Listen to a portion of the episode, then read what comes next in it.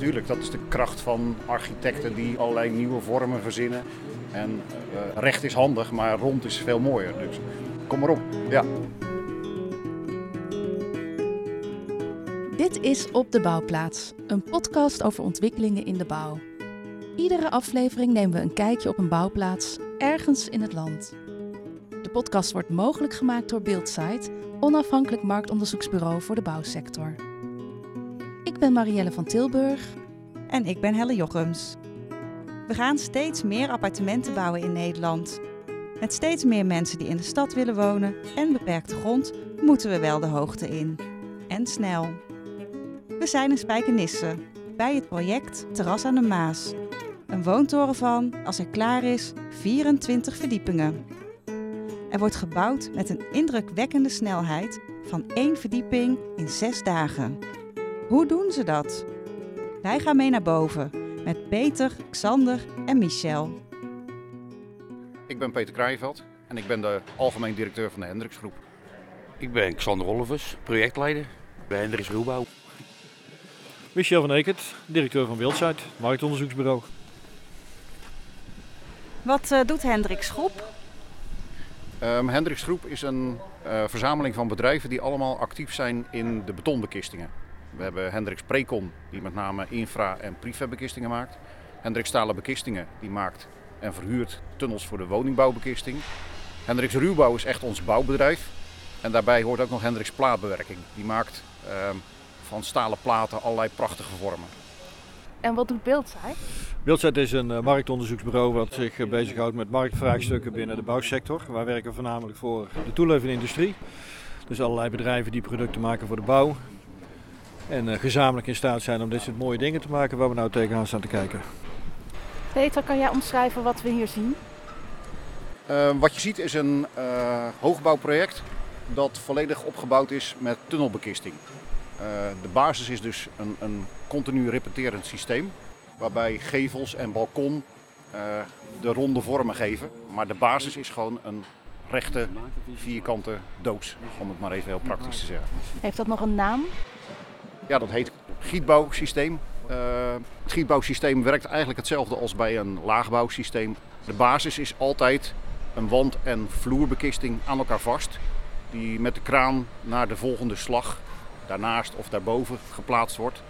Uh, die vul je aan het einde van de dag met natte beton.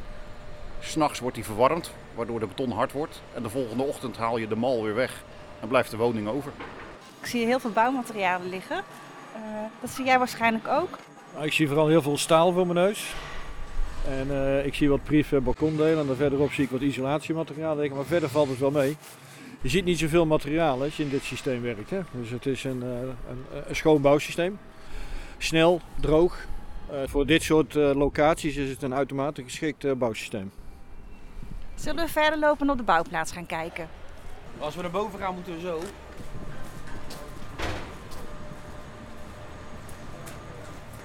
Lift komt eraan, dus...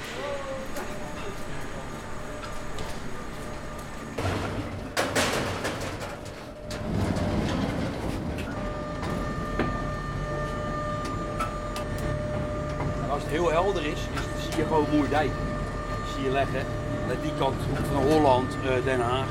Nou ja, en als je die kant op kijkt straks, is echt het mooiste, ja, het mooiste van Nederland is aan die kant. Rotterdam, de Euromast zie je dan.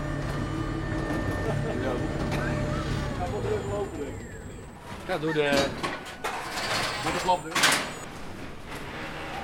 Waar We staan nu op de 15e verdieping. En hierboven hebben we er nog vier. Nou ja, dit is, dit is de verdieping onder de tunnel. Beton, beton, beton zie ik. Beton, beton, beton. Dat is enige wat we doen. We hebben zes storts op één verdieping. Dus eerst ga je, doen we die twee lange tunnels. En door. En dan gaan we daar drie, weer drie. Hier, hier. En dan gaan we weer omhoog. Theoretisch kan je gewoon de volgende dag de volgende laag. In, in laagbouwprojecten gebeurt dat.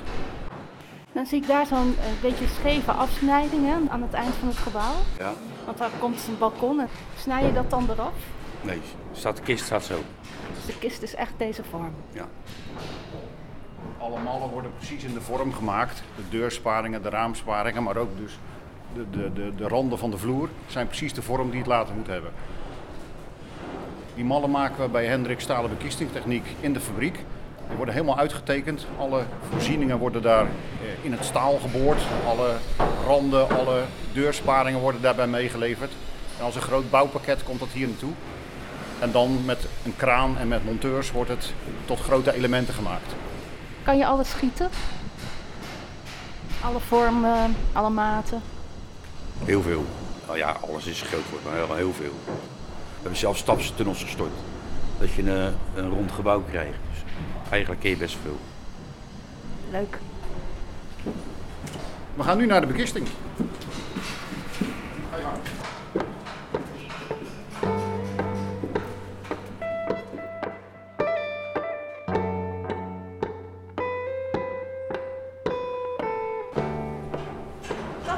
Een andere ruimte. Ja, maar morgen is die hetzelfde als hier beneden. Allemaal blauw, ik zie geen. Nou, dit, is, dit is de kist, de mal, waar het omheen gebeurt eigenlijk.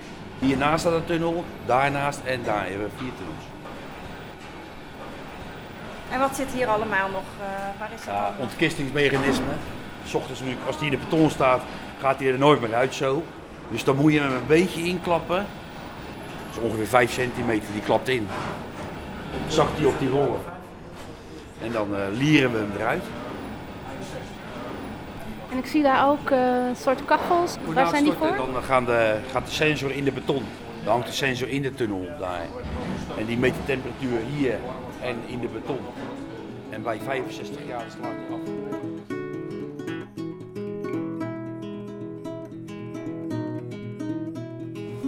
Lang eh, bouwen we al op deze manier in Nederland? Eh, tunnelbekisting bestaat sinds eh, eind jaren 60. Het idee om met een stalen mal de wanden en de vloer in één keer aan elkaar te storten is eigenlijk onveranderd. Natuurlijk voegen we nieuwe technologieën toe, de verwarming is beter, de controle, de controle is beter, prefab meestorten, veiligheid allemaal verbeterd, maar de basis is nog steeds hetzelfde als eind jaren 60.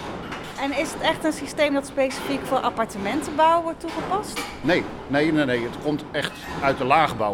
De seriematige woningbouw, daar komt het in voor. Maar het is wel iets typisch Nederlands. Eh, heel weinig landen in Europa doen dit eigenlijk op deze manier. Hoe gaat dat met dat verwarmen? Gaat het op, gas of hoe verwarmen jullie? Ja, er zijn twee systemen om te verwarmen. Hier doen we het met gas. Eh, beneden staat een hele grote propaantank. Eh, die met een grote stijgleiding gaat die naar boven toe. En die eh, verwarmt de tunnel elke avond nadat de natte beton erin is gegaan. Dan stoken we eh, de, de binnenkant van de bekisting op tot 60, 70 graden. En een computer meet dan hoe stijf de beton wordt en hoe lang dat we nog door moeten stoken. Zodra die computer heeft berekend dat we morgens om 6 uur de eindsterkte hebben dat het betonnen frame blijft staan, stopt hij met verwarmen, gaan de kachels uit en kunnen we de bekisting weer weghalen de volgende ochtend. En als we in 2050 van het gas af zijn, hebben jullie al een eh, plan hoe je dat dan kunt aanpakken? Er is ook nog een ander systeem. Ehm, ook als je in binnensteden bouwt waar je niet meer met gas mag bouwen, dat bestaat nu ook al, is er een speciaal soort beton wat eh, veel meer warmte ontwikkelt direct na het storten, waardoor je helemaal geen gas nodig hebt. Dus die, dat heet koude gietbouw. Daarmee heb je met een speciaal betonsoort, en heel veel eh, betoncentrales kunnen dat al leveren, heb je dezelfde effecten als dat je dat met eh, verwarmen met gas doet. En waarom kies je er niet nu al voor om dat hier ook toe te passen? Eh, sowieso is die beton veel duurder. Ehm, en met gas kunnen wij ook heel goed regelen wat de effecten zijn van wanneer moet het ontkist worden.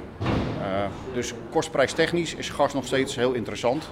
Maar er zitten ook nadelen aan. Dus het is altijd een keuze tussen voor- en nadelen. Afhankelijk van de locatie, afhankelijk van de betonleverancier. Voor de bekisting maakt het niets uit. Hoe beoordeel je dit bouwsysteem eigenlijk op het gebied van duurzaamheid?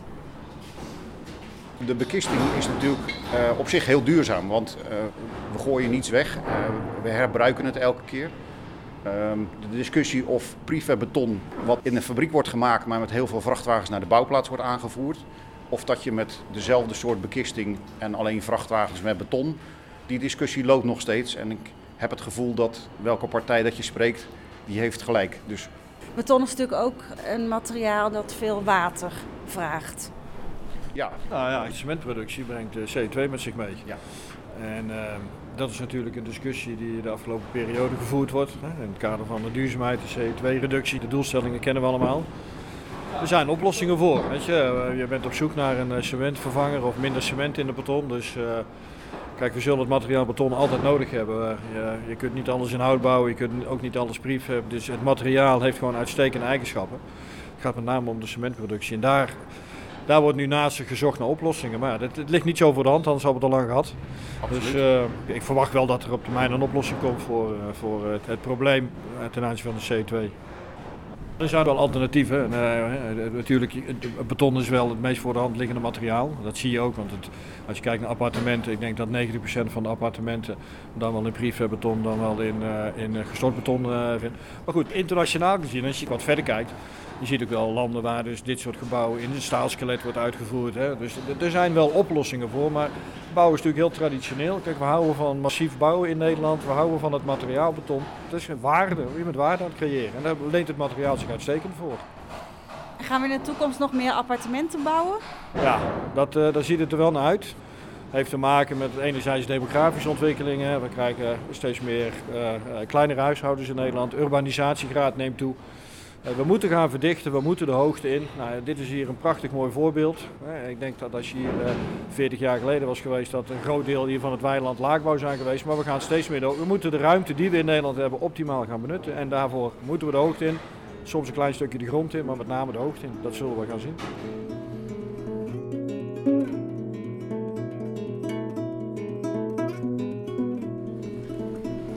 Dit is de drukke verdieping.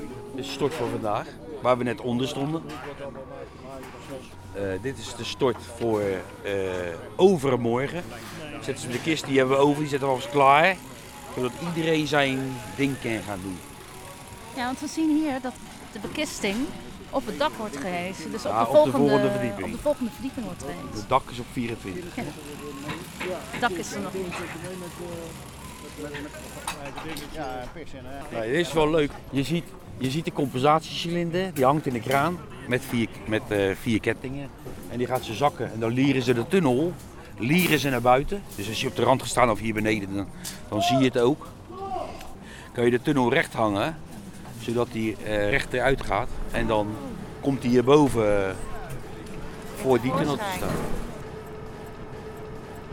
Je hoort nu de lieren trekken, dus eh, je zal hem zo naar buiten zien gaan. eh. Wat doet de jongen nou met dat touw? Nou, die, trekt, die trekt de cilinder uit. Daarboven zie je wat gaan verschuiven nou. Zie je het voorschijn komen? Die zorgen dat die tunnel eh, dat die recht uit, de uit de beton komt. Daar komt hij. Daar komt hij. Nou ja, dan gaat hij eroverheen en dan komt hij eh, eh, ervoor te staan. Hier, daar komen er nog een paar jongens bij. Die, nou, die stonden beneden eh, te lieren. Ja, die pakken nu de ladder naar deze verdieping. Ja.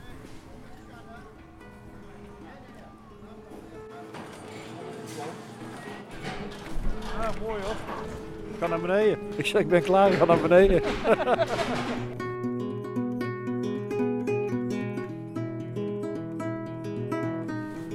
Nou, welkom in je woning. Die komen ook bij jullie uit de fabriek, die balkons, die Nee, balkonvloeren. Nee. Eh, wij maken natuurlijk wel mallen om balkons in te maken. Of die leverancier van deze balkons ook onze mallen heeft gebruikt, weet ik niet. Kunnen jullie het wel ook van die organische vormen maken? Absoluut. Graag zelfs. Ja, is het leuk? Tuurlijk, dat is de kracht van architecten die allerlei nieuwe vormen verzinnen. En eh, recht is handig, maar rond is veel mooier. Dus kom maar op. Ja. Ja. Kan je nou als bewoner straks, als het klaar is en je weet van niks, kan je nog ergens aan zien dat het schietbouw eh, was? Ehm, ik wel, maar ik ben geen bewoner. Ehm, maar eigenlijk niet. En jij kan het zelf als kenner wel zien. Hoe zie jij dat dan? Eh, omdat ik een soort eh, beroepsdeformatie heb die altijd kijkt van hoe is zoiets gemaakt. Zie je dezelfde stramienmaten, zie je dezelfde hoogtes. Eh, ja, waar ik ook ben, je kijkt toch van wat voor bekistingssysteem zit daarachter. Dat, dat hoort nou eenmaal bij mijn leven.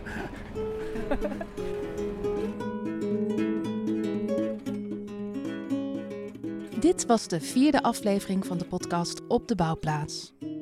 We spraken met Peter Kraaienveld, Xander Olivers en Michel van Ekert. De muziek was van Mon Plaisir. Vind je deze podcast leuk en wil je meer van ons horen? Abonneer je dan via je eigen podcast-app en laat een review achter zodat andere liefhebbers hem beter kunnen vinden. Ik ben Marielle van Tilburg en ik maak deze podcast samen met Helle Jochems.